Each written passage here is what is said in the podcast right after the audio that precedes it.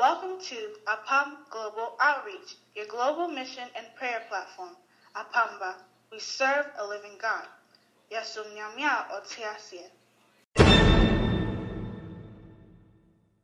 The necessity is laid on you to let others know the light that is in you. Anything you esteem, you adore, you appreciate, you cherish more than the one who gave you life.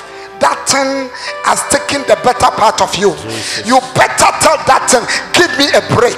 It's time for me to go back to my creator.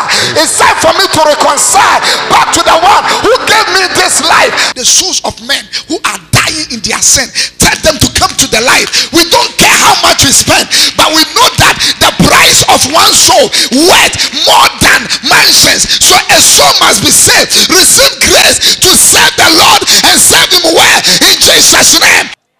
Fo nimdeɛfoɔ aba yɛ time yi obie ntumi nyɛ mogya mogya shɔto a gye sɛ yɛtwi obi deɛ na yɛde ama wo it tell you the wisdom of God. Nti wote wiase no sɛ wo se wo na amansa nto ne mo mfra wo woni time ma asɔre woni time ma nyame asɛm woni time ma bible a me bible sɛ onyame asɛm na wapo yi nyansa bɛn ɛna wɔ if God is for you, who can be against you? Christ in me, the hope of glory. The gospel is for my good, it's for my freedom. So, baby, nenti wiase wemu. Ne wiase yɛ ne dɛ. Ne wiase wia no. na wasɔ no na yɛ aberanteɛ ɔno na yɛ ababaawa na ɔne time ɛma onyame ne n'asɛm na ɔdidi nom ɛbɔ ne berɛ bia